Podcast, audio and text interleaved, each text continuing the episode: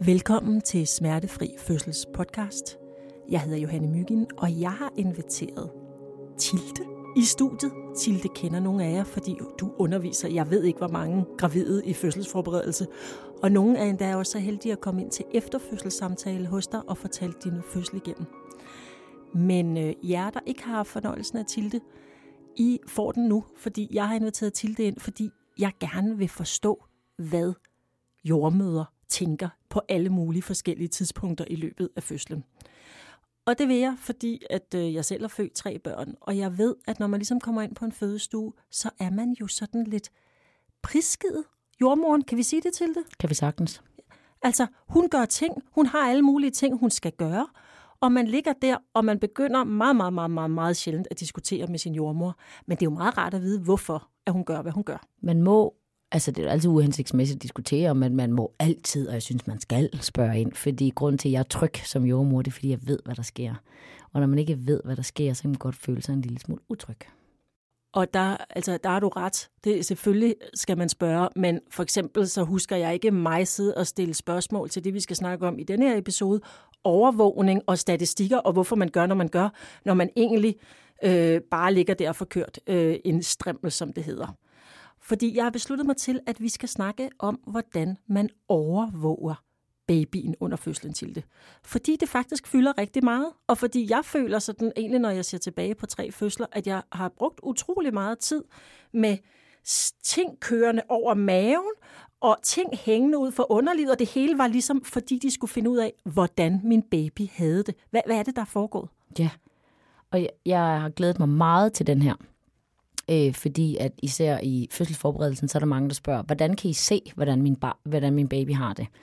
Og det kan vi jo som sådan ikke se, men der er udviklet alt muligt fantastisk teknologi, men hvor vi jo stadig ikke kan se det hele. Så det giver sådan et godt estimat af, hvordan barnet har det, og derfra kan vi så lave forskellige indgreb. Så det første, de fleste nok møder, lad os sige enten sent i graviditeten eller i, øh, i fødslen, det er, at man får sådan en CTG på, sådan en overvågningsdimser. Og hvad er det? Og CTG, det står for kardiotogografi, og det er en optegnelse af, hvordan er barnets hjertelyd, hvordan er din V-aktivitet, hvis der er nogen, og det laver den så en tegning over. Så så simpelt kan det siges. Øhm, og det vi måler på sådan, øh, med, med hjertelyden, det er, om der er den frekvens, der skal være. Øh, vi kan se, om hjertelyden falder, og hvilket. Og det er jo der, man skal være uddannet, fordi du kan ikke bare slå et blik på en CTG, og så sige, om der er en god eller en dårlig hjertelyd, hvis du ikke er fagperson. Så det kan være fuldstændig normalt i en fødsel, at hjertelyden falder, for eksempel hen under pressefasen, men der er nogen, der kan blive dødsbange, selv sagt, fordi nu falder barnets hjertelyd. Men det er en fuldstændig normal størrelse, det må bare ikke falde for meget, og det er jo så der, fagligheden kommer ind.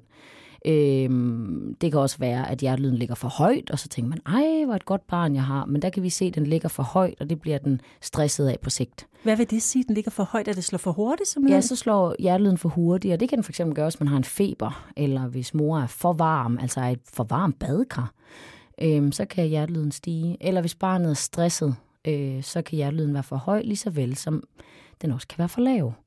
Så alt det skal sammensættes i en ret bred viden, vi jordmøder sammen med lægerne har.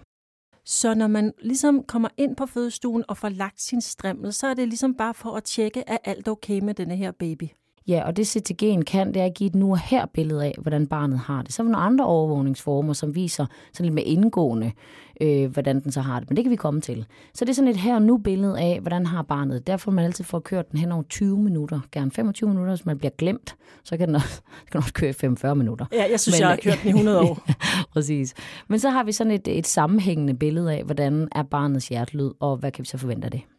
Og nu bliver det jo lidt tricky, mm-hmm. fordi jeg vil jo gerne have, at du sagde til mig, og når vi har kørt den der, så har vi bare styr på det barn. Hvor, altså, mm, hvor vigtigt, hvor godt et mål er det, hvor, god en, hvor godt en ting er det egentlig at få kørt en CTG?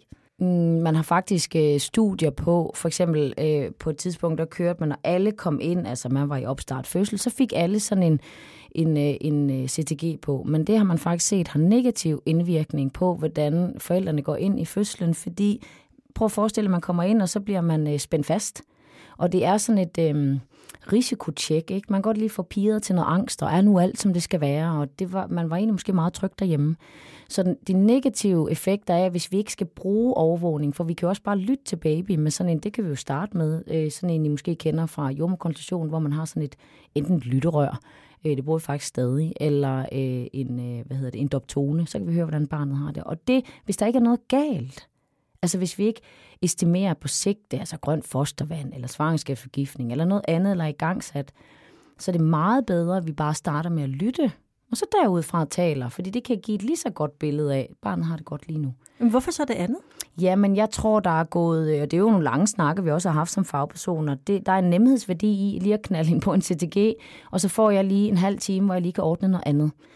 Øhm, så så det, fordi man ikke lige får set bag om det, og fordi man ikke lige får taget sig i det, så kan det, kan det godt have sådan en, en negativ effekt på den fødende, hvordan hun oplever det. Så nogle gange er CTG faktisk lidt fødestuens dårlige vane? Øh, ja, det må vi godt sige højt. Okay. Ja. Ja, så du vil egentlig, når hvis du var jordmor, så vil du faktisk foretrække at lave det der sædvanlige rare tjek med et, et, et, det der meget smukke trærør. Ja, ved du hvad, hvis øh, rammerne var til det. Men jeg er også øh, jordmor på en fødegang, og, øh, og øh, det er ikke altid, vi kan det der. Nej. Nej. Mm-mm. Okay, så der bliver kørt en strimmel. Hvad, hvad, hvad hvis du vil vide mere om, hvordan baby har det? Hvad gør du så? Øh, vi vil kun vide mere om, hvordan barnet har det, hvis der er nogle negative udsving. Så der er ikke nogen, der laver indgreb derfra og siger, at jeg vil faktisk godt lige dobbelttjekke, om den har det godt. For det kan jeg se umiddelbart derfra. Det vi kan se og være ret sikre på, hvis den viser, at den har det godt, så kan vi, nu siger jeg 100 procent, det passer nok aldrig, men der kan vi være meget, meget sikre på, så har den det godt. Hvis den begynder at vise tegn på, mm, der er et eller andet, den har måske ikke sådan helt vildt godt, altså den har det stadig godt, men sådan der er nogle faldgrupper, der er CTG'en enkeltstående ikke ret god. Så der skal vi have nogle flere tiltag. Der hvad, hvad, er det, hvad den mangler? Jeg skal lige forstå, hvad det er, den mangler. Den mangler at se ind i. Altså, den mangler at kunne tyde, hvad er det så, der er med det barn? Giver det hmm. mening? Ja. Og, og bedre kan jeg ikke forklare det andet end, hvis den har det godt, så kan vi være meget sikre på den. Har baby det mm, varierende godt, stadig godt, men der er, nogle, mm, der er et eller andet. Kan I se, der er, sådan, der er noget, jeg gerne vil undersøge så skal jeg overvåge den på en anden måde. Ja, og hvad gør du så? Det jeg så kan sætte på systemet, det er for eksempel, hvis fostervandet er gået, øh, så kan jeg sætte sådan en kaput-elektrode på. Kaput, det er ikke noget, der er gået i stykker. Det er hovedet på barnet, så der kan jeg sætte sådan en elektrode på barnets hoved, men I kan se, at vandet skal være gået. Så hvis det barn, jeg overvåger på en CTG, øh, ikke, øh, måske har en for høj hjertelyd, så kan jeg være nødt til at tage fostervandet, for at få, kunne få den ekstra overvågning på. Det håber jeg, altså det er meget fagsnak det her, men ja, de fleste, fleste, kan, elsker godt det, følge, altså, så de fleste det... kan godt følge med. Så... så kan jeg få sat sådan en elektrode på barnets hoved, og så kan jeg slå et system til, der hedder STAN. Den, det er en meget, meget solid måde at overvåge, for der kan jeg kigge på, hvordan iltmætningen, eller om der er iltmangel i hjertet. Så der kan jeg dybt se, hvad er der med barnet. Okay, jeg skal lige forstå. Det er der, hvor man simpelthen skruer en skrue ind i babys hoved, mens det stadig er inde i maven. Og jeg vil så gerne have, at vi ved, at det ikke er en skrue. Nå, okay, hvad er det ja, så? Ja, er det, ikke, det lyder så mobilt. Men det, der er, det er, det er en meget, meget tynd, jeg gad nærmest godt at kunne vise den, en meget, meget tynd, man skal næsten have den lige op i lyset for at kunne se det. En tynd nål, der har sådan en spiralform. Og den er så koblet til et meget sensitivt system, som så er den der ledning, der så går over til et system, hvor jeg kan slå stagen til. Så det barnet får ind, det er en meget tynd nål, som jeg lægger ind i underhuden på barnets hoved. Gør det ondt på den, tror du? Altså, jeg synes at det er kedeligt at gå ind den snak, at bare fordi baby ikke har noget sprog nu, så kan den ikke mærke det. Så jeg tror at vi alle sammen kan mærke, hvis vi får en nål under huden. Altså, jeg tror, det er på det niveau. Okay. Men det er langt fra en skrue ind i skallen, altså ind i jernskallen. Ikke? Så det, jeg har faktisk altid troet, at det var en skrue, der borede sig ind i hovedskallen. Nej, det er lige under huden. Okay. Så hvis man kan forestille sig at få en, en nål skruet ind under huden, det er det niveau. Okay. Så godt. selvfølgelig gør det ondt. Ja, ja. Og der overvåger du, hvor meget ilt, der er i blodet på barnet? Ja, og nu er jeg jo, det må jeg jo lægge mig fladt ned og sige, jeg er jo ikke sådan teknisk vidunder. Så øh, derfra vil jeg sige, der kan vi slå et system til, hvor der er nogen bag det, der er meget teknisk dygtige og har opfundet det her. Men min sådan korte forklaring er, der kan, der kan du simpelthen måle på hjertets funktion. Ja, og der holder du øje med hvad, når du kigger på det der stand? Der holder jeg øje med, om barnet, øh, om der er risiko for, at barnet får ildmangel. Mm. Og hvis der er risiko for, eller, eller begyndende iltmangel, sådan er det jo også nogle gange ikke så romantisk, så skal vi have den baby ud. Okay. Og det er det, man er så rasende dygtig til i dag, det er at se meget, meget tidligt, om der bare er tegn på, at det her kunne ende med iltmangel, for så tager vi dem ud. Ja. Så nogen kan føle som et, et, et for tidligt indgreb. Lad os nu sige, at man laver et kejsersnit på begyndende iltmangel, og ud kommer der et godt, sundt, stærkt, lyserødt barn, og mor har det vidunderligt. Så kan man sgu godt bagefter, eller undskyld mit længe, tænke, hvorfor lavede de så det kejsersnit? Mm. Jamen det gjorde vi før. Det er faktisk lavet på det rigtige tidspunkt. Det gjorde vi før, at barnet blev dårligt. Ja. Så vi er blevet dygtige til at opspore. Men er der så en vis form for overbehandling? Det vil jeg da nok også godt lægge hovedet på blokken og sige, det er der. Vi er nok blevet lidt mere bange for fødsler. Fordi hvis ingen må fejle noget, og nu er vi ude i sådan en eksistentiel snak, og ingen må komme til skade, så er vi jo nødt til at overbehandle en hel del.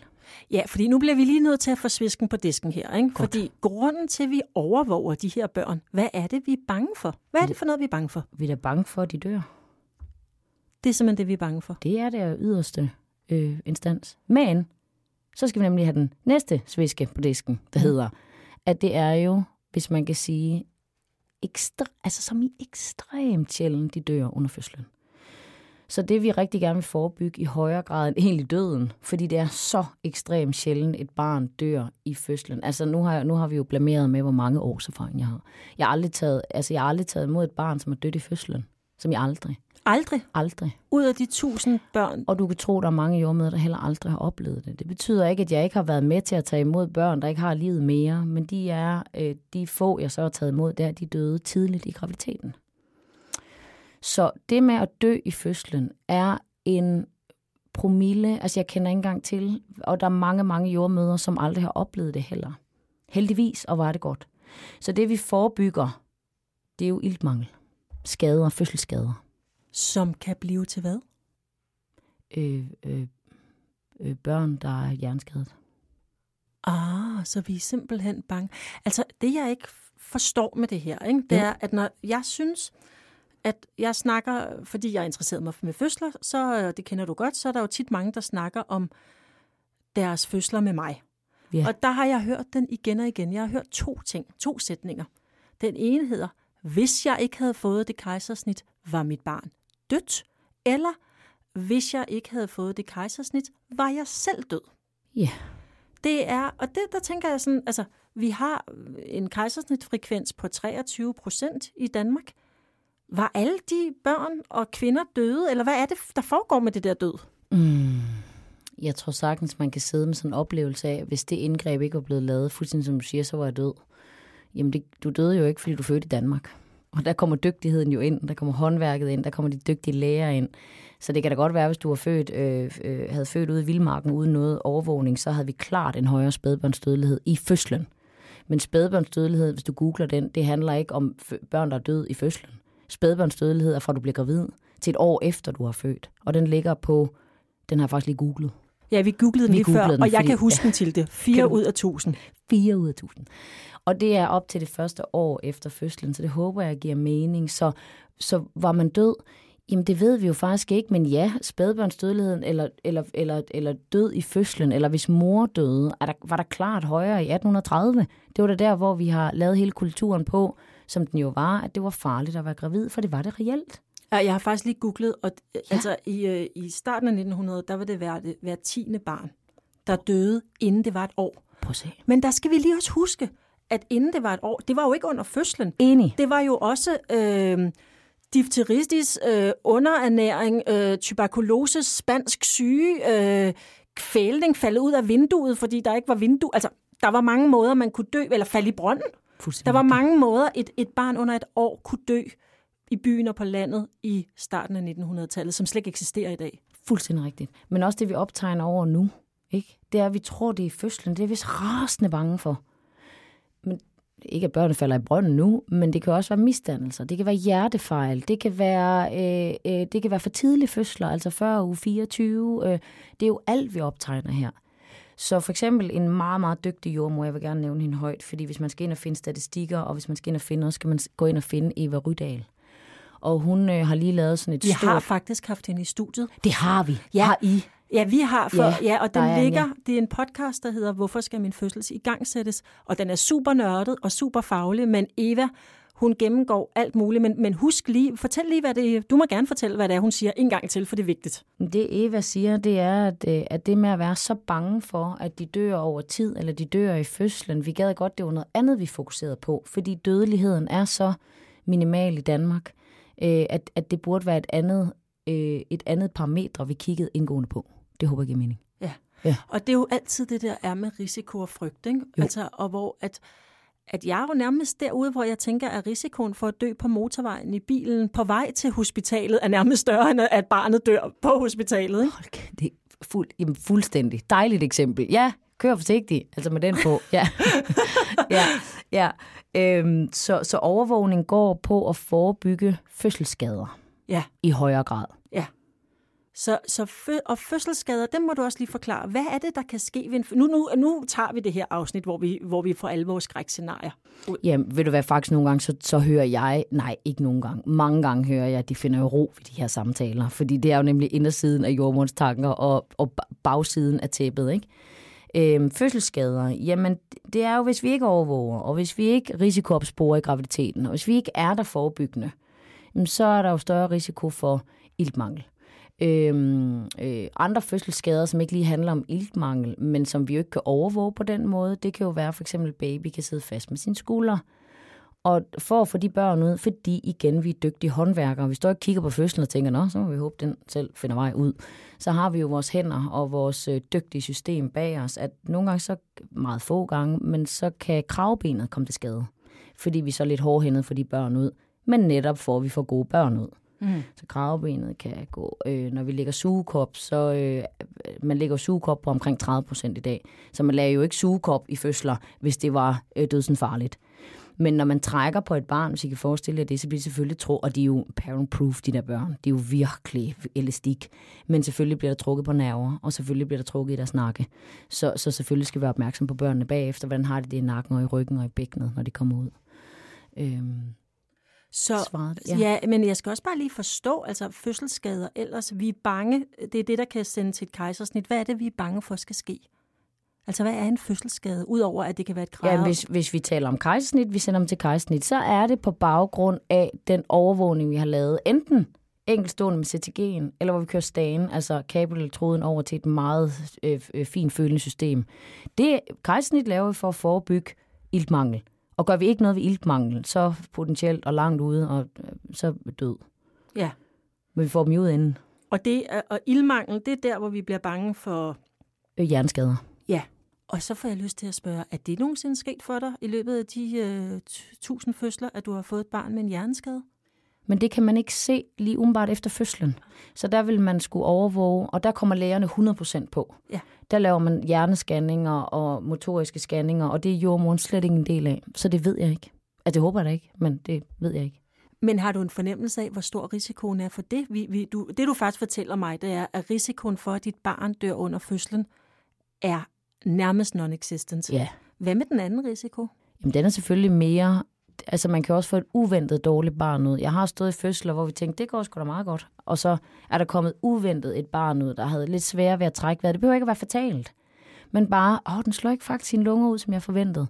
Øh, måske når barnet bliver en lille smule koldt, så den trækker vejret lidt anderledes, så kommer den på neonatalafdelingen. Og derfra ved jeg ikke, hvad der sker, fordi det er jo ligesom ikke i mine hænder mere. Men jeg, selvfølgelig har jeg haft dårlige børn, der er kommet ud, Mm. øhm, og også meget dårlige børn. Men at de dårlige børn, så de uventede, der er kommet ud, er nærmest også ikke existent. Altså det er også på et lille niveau. Så dem, der er kommet ud, der har været dårlige, det har vi vidst. Okay. Det, det ved vi godt. Vi ved godt, nu kommer der et dårligt barn ud. Det er også derfor i undervisning, vi indgående taler om, hvad er det, der sker, når vi laver indgreb? Hvorfor er det, der er så mange mennesker på den fødestue? Ja. Og det er fordi, de står som et beredskab. Jeg har kaldt. Jeg ved godt, at det her barn har det pt. lige dårligt, men ikke dårligt nok til at vi laver kejsersnit. Mm. Men jeg forventer måske, den er lidt mere bleg, når den kommer ud, så jeg vil gerne have en børnelæge på stuen. Så jordmor, når hun står og arbejder med jer, der føder, så, har, så er jeg allerede 10 skridt frem. Hvad er det, jeg tror, der kommer til at ske? Og de mennesker kan jeg så på forhånd kalde ned på fødestuen, så når I føder, jamen, så vil der være nogle mennesker. Ofte vil være en, hvis det er lige forestående før fødslen er der, så vil der være en 10-15 mennesker på stuen. Hvis jeg forventer, der kommer et dårligt barn ud, eller en dårlig mor. Så din overvågning af det her, og jeg skal lige høre, er der mere end CTG og STAN? Er der flere øh, måder, man kan overvåge et barn på? Ja, det er der sådan rent fysisk. Når man så har svaret øh, for den stagen, lad os sige, det der kommer sådan outcome på den, den alarmerer, så tager man altid en blodprøve på barnets hoved, øh, og der analyserer man så blodet. Øh, er det iltmættet nok til, at vi kan fortsætte fødslen og lidt endnu, eller er det underiltet, hvis det giver mening, og så laver man indgrebet derfra. Altså, hvordan tager man en blodprøve på barnets hoved? Ja, der skal man jo øh, mellem mors ben, så det mor vil opleve her, den her blodprøve, det er sådan, hvis man er tryg, så er det bare, hvad det er, men hvis man er utryg, så kan man godt blive forskrækket over det, fordi det er lægen, der gør det.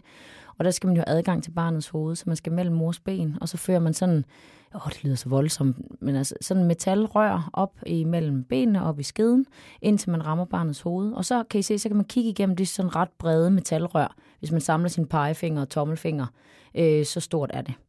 Og så kan lægen så komme op igennem det metalrør, for så at lave et lille ris på barnets hoved, eller med sådan en lille, øh, de, man skærer et lille hul. Og så løber der blod ud, og det samler man op i sådan en lille glas, pipette eller sådan en lille rør, og det tager man så ud og analyserer det. Hvordan er iltmætningen i blodet? Og hvor vigtig er den prøve? Den er meget vigtig, for at vi ikke kommer til at lave indgreb, der ikke er nødvendige. Så når jeg sagde, at man tog et barn for tidligt ved gejsersnitten, så er det fordi, det blod det er påvirket i sådan en grad, at vi mener, at nu er det værd at lave en operation på mor. Det er simpelthen, fordi man kan se, at nu er iltmanglen ved at være dramatisk. Ja, vi, og vi tager dem jo ud, før, at det bliver, altså, før det bliver dramatisk, hvis vi overhovedet kan komme til det. Så ja, så iltmætning viser os, skal det barn ud nu, eller kan vi faktisk godt fortsætte lidt? Og de blodprøver kan man så gentage igen og igen og igen. Så sådan på en almindelig fødsel inden, altså vejen til kejsersnittet, hvor mange af den slags blodprøver bliver der taget? Jamen, hvis den første blodprøve, man tager ud, øh, er påvirket, så kører man der. Men man kan godt komme op og tage en 3-4 blodprøver, og før der er et udsving, eller indtil mor faktisk bare føder vaginalt. Og man kan også komme ud fra, at okay, femte blodprøve, der tænker man, ej, nu er det simpelthen for, og så kører man til kejsersnit. Og det er fuldstændig rigtigt, og jeg kan faktisk, nu må jeg faktisk indrømme, jeg kan ikke huske, om jeg tror nok, det er på tredje eller fjerde, når vi siger, når vi begynder at gentage det i det niveau, så er det fordi, vi har en begrundet mistanke, og så, begynder, så kører de på det. Men det er jo rigtig vigtigt, fordi man kan godt komme til at føle, når man ligger der og føder, at nu overvåger vi, om barnet er ved at dø. Fuldstændig rigtigt. Altså, det, det tror jeg faktisk er det, jeg har tænkt samtlige tre fødsler. Og det tror jeg er helt rigtigt. Altså, og jeg har faktisk også nogle gange tænkt sådan, men hvad hvis, altså, hvad hvis det var, fordi hvis det fik et hjerteslag, mens jeg sad der og kørte strømmen, så ville jeg jo ikke kunne gøre noget alligevel. Så kan vi jo lave det, der hedder grad 1 kejsersnit, men altså, pff, altså et hjertestop er et hjertestop. Mm. Ja, men lad os, lad os blive... Ja, det vil jeg også sige, fordi lad os... jeg kender ikke til nogen. Altså, Nej. det kender jeg faktisk ikke til. Nej, Nej, godt. Så det, det, du faktisk sidder og tjekker, det er i virkeligheden sådan, skal jeg være forberedt på, at der er et barn, der kommer ud her og skal have lidt ekstra hjælp? Skal jeg ringe til en børnelæge? Skal jeg ringe til en medjordmor? Altså, og så må du godt lige fortælle mig, fordi nu er vi i gang. Ja. Hvad er det for et beredskab, du ringer til? Du ringer til en børnelæge, men ringer du også til andre? Øhm, jamen, Fordi det der er jo kommer- mange på sådan en Mm, stue, synes jeg. Ja, det er det nemlig, og, og de kommer ind før barnet bliver født. Så det, jeg altid vil kalde ind, også hvis jeg er lidt i tvivl, altså vi arbejder meget tæt sammen. Der er et stærkt samarbejde på fødegangen mellem jordmøderne og lægerne. Så jeg behøver som sådan ikke at kalde nogen ind på stuen, fordi jeg har angst for, at der sker et eller andet. Men jeg skal bruge min afdelingsjordmor til en second opinion. Mm. Det, jeg ser, er det rigtigt? Og så vil jeg gerne have en ekstra jordmor ind, også bare lige til at assistere. Hvis jeg skal have lagt et drop, eller nu er vi jo meget detaljeret. Altså, der er jo meget praktisk i sådan en fødsel. Så vil jeg gerne lige have en jordmor med, og hvis jeg kunne, og hvis jeg er så heldig, der er en social- og sundhedshjælper til rådighed, så vil jeg rigtig gerne også have hende ind. Hvad skal hun? Jamen, hun er hammerende dygtig til, og jeg er jo fra den tid, hvor man rent faktisk øh, fik lov at føde med social- og sundhedshjælperne, øhm, øh, assistenterne, fordi der er meget, der skal ordnes. Hun ved alt om alt, hvad jeg skal bruge. Mm. Så hun er min højre hånd. Øh, dem har vi ikke så meget rådighed i dag, men, øh, men hvis jeg er heldig, så kan jeg få sådan en ind også. Det jeg så videre kalder, eller min afdelingsjordmor, hun kalder, hun kalder så, hvad er det så, vi forventer herfra? Forventer vi, at vi skal have lagt en sugekop, så vil jeg gerne have, at der lige stille begynder at komme en læge ind. Men det kan man sagtens. Lad os nu sige, at baby har det godt. Mor er træt, hun er presset længe. Så kan vi kalde en øh, læge ind, og der kan sagtens gå et kvarter, før vi lægger den sugekop, så lægen kommer ned. Og lægen har så sin øh, forvagt med, eller sin assistent med. Og efter som vi så, hvad vi så forventer derfra efter den sugekop, forventer vi så, at baby faktisk er dårlig, når den kommer ud. Og det kan vi jo spejle i noget af det der stagen og så videre, vi har på. Øhm, der har lægen så neonatalholdet med, hvis det er. Eller også så er det afdelingsjordmoren, der kalder neonatalholdet. Altså neonatal, det betyder øh, børnesygeplejersker, børneafdelingen. Øh, og der kommer sygeplejersker derop fra. Og hvis det er meget gralt, vi forventer, nu kommer barnet lige om lidt, men den er faktisk vist, den er dårlig, så har jeg også en neonatal læge med ned. Så I kan godt begynde at tælle, og den læge har så også nogen med. Så vi kan godt have et team på 10-12 mennesker stående, men det betyder bare ikke, at det er sikkert, der er noget. Det er bare for, altså giver det mening, det er bare et, ja, hvad siger man? Beredskab. Det er beredskab. Og lad os nu sige, at den sugekop ikke kan få barnet ud. Den står så dårligt, den baby. Den står helt skæv. Den tror, den skal fødes med øjnene, eller den tror, den skal ydre ud først, eller den kan vende på mange forskellige måder. Øhm, så er beredskabet også til, at hvis det ikke lykkes med sugekoppen, så står de folk, jeg skal bruge, de står klar til at kunne køre videre til et kejsersnit. Okay. Og så bliver operationsstuen kaldt. Så vi kan sagtens være systemkritiske, men jeg synes også, at man skal se på de penge, vi ikke tror er i systemet. I kan dele med tro, de er der. Og, mm. og vi har simpelthen råd til i det her fødesystem, at der står sådan en beredskab. Men det betyder nemlig ikke, Johanne, at der er en baby, der er ved at dø. Det betyder, at vi har et beredskab, så vi forhåbentlig får en rigtig god baby ud. Vi kalder ufattelig sjældent for sent. Mm. Og i virkeligheden, så tænker jeg, fordi det er en voldsom oplevelse at føde yeah. for den enkelte, fordi at det kan være en voldsom oplevelse af at få et kejsersnit, så kan vi også nogle gange få lyst til at fortælle en historie, tror jeg nogle gange, om at vi var lige ved at dø. Enig. Men i virkeligheden så siger du, ah, Ja. sandsynligvis var der en baby, hvor jeg tænkte, der er en minimal risiko for, at det her bliver til en hjerneskade. Det skal vi selvfølgelig undgå. Derfor kører vi til kejsersnit, eller derfor ligger vi i en sugekop. Det er Jo. der, vi er. Det er hovedet på sømmet. Ja. Så hvorfor arbejder jeg med efterfødselssamtaler? For det er faktisk relevant i den her snak, fuldstændig som du siger. Øh, så sidder man derinde, så tror man, at nogen er ved at dø. Altså bare start med at få klarlagt. Jeg er bare nødt til at sige, at der var ikke nogen, der var ved at dø. Og det er for at negligere din oplevelse, for den skal vi nemlig tale om i den efterfødselssamtale. Så oplevelsen står på et stykke papir, men så skal vi også have noget fakta på bordet, der hedder, nej, men fordi du er født i Danmark, så var der altså ikke nogen, der var ved at dø. Men vi kan da godt snakke om det, hvis du er født alene, uassisteret. Så hvorfor er det, man ikke skal føde uassisteret? Det er da ikke, fordi kvinder ikke kan føde børn. Er du sindssygt, vi kan føde børn? Men er der nu noget far på færre, så er det bare godt, at vi er et system, hvor der er nogen, der er dygtige. Og det har jeg lyst til at slutte med at slå fast i, med syv tommer søm, fordi der sidder mange, håber jeg, og lytter den her podcast og lytter til al din faglighed. Øhm, ja, vi har som kultur et billede af fødslen som meget, meget, meget farlig. Vi har alle sammen set, læst mærkelige historier. Jeg kan for eksempel huske, for nylig fulgte jeg med den der engelske tv-serie Downtown Abbey, der foregår på et gods, Ja. hvor vi har en Hun får svangerskabsforgiftning. svangerskabsforgiftning og forfærdeligt fra helvede med to læger, der ikke vil give et kejsersnit, og hun dør, den smukke, søde kvinde der. Ikke? Vi har også, kan jeg huske, Borte med blæsten, hvor er Melanie dør i øh, skrig og skrål. Ikke? Vi har mange døde kvinder i vores populærkultur, så vi tror, vi dør. Vi har også mange døde børn i vores fortællinger. Jeg har bare lyst til, at vi slutter denne her med at sige, det er film, det er ikke virkelighed. Er det ikke rigtigt til Det er fuldstændig rigtigt. Og hvis jeg må give et håndgribeligt råd til, når man ligger der og føder, og man faktisk bliver skide bange for det, enten som partner eller hende, der føder, så har jeg en sætning med, der hedder, er det her farligt? Så er det ikke sikkert, at du får et romantisk svar, men du får et svar på, hvor er vi henne på skalaen. Enten så siger den læge, nej, altså overhovedet ikke. Prøv lige at så bliver det næsten for meget af det gode. Det kan også være, at den læge eller en jordmor siger, nej, men det er ikke farligt nu, så derfor rykker vi lidt hurtigt, jeg informerer dig bagefter. Så for sport er det her farligt? For det er det typisk ikke.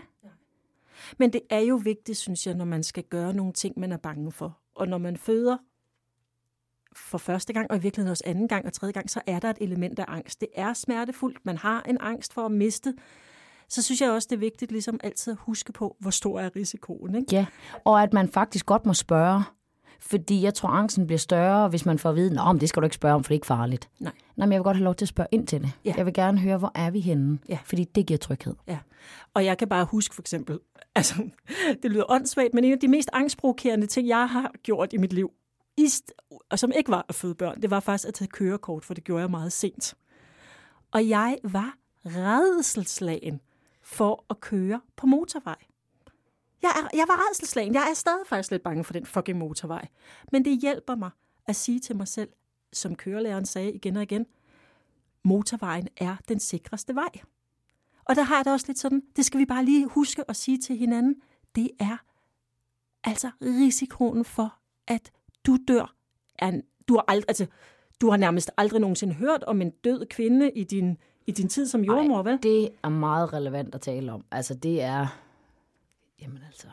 ikke eksisterende. Må man sige det? Det må man ikke sige. Men altså, det, det er på det niveau. De dør ikke. Vi, vi dør Nej. ikke i barselsseng i dag. Nej. Nej. Og der dør en gang imellem nogle babyer, men det er en, det er fire ud af tusind, og det er også i det første leveår. Det er altså også vuggedød, det er også de frygtelige uheld. Det er også en trafikulykke, der er en af de... Altså, sådan kan babyer jo også dø. Ja, det er ikke i fødslen, og du har aldrig oplevet, at en baby er død i fødslen. Vær glad for, at vi føder i Danmark, og vær glad for, at man kan spørge ind. Ja. Og vær glad for, at vi har adgang til viden. Så trækker vi dybt vejret ind, og jeg siger tak til det, fordi du vil komme og berolige os i dag. Selv tak.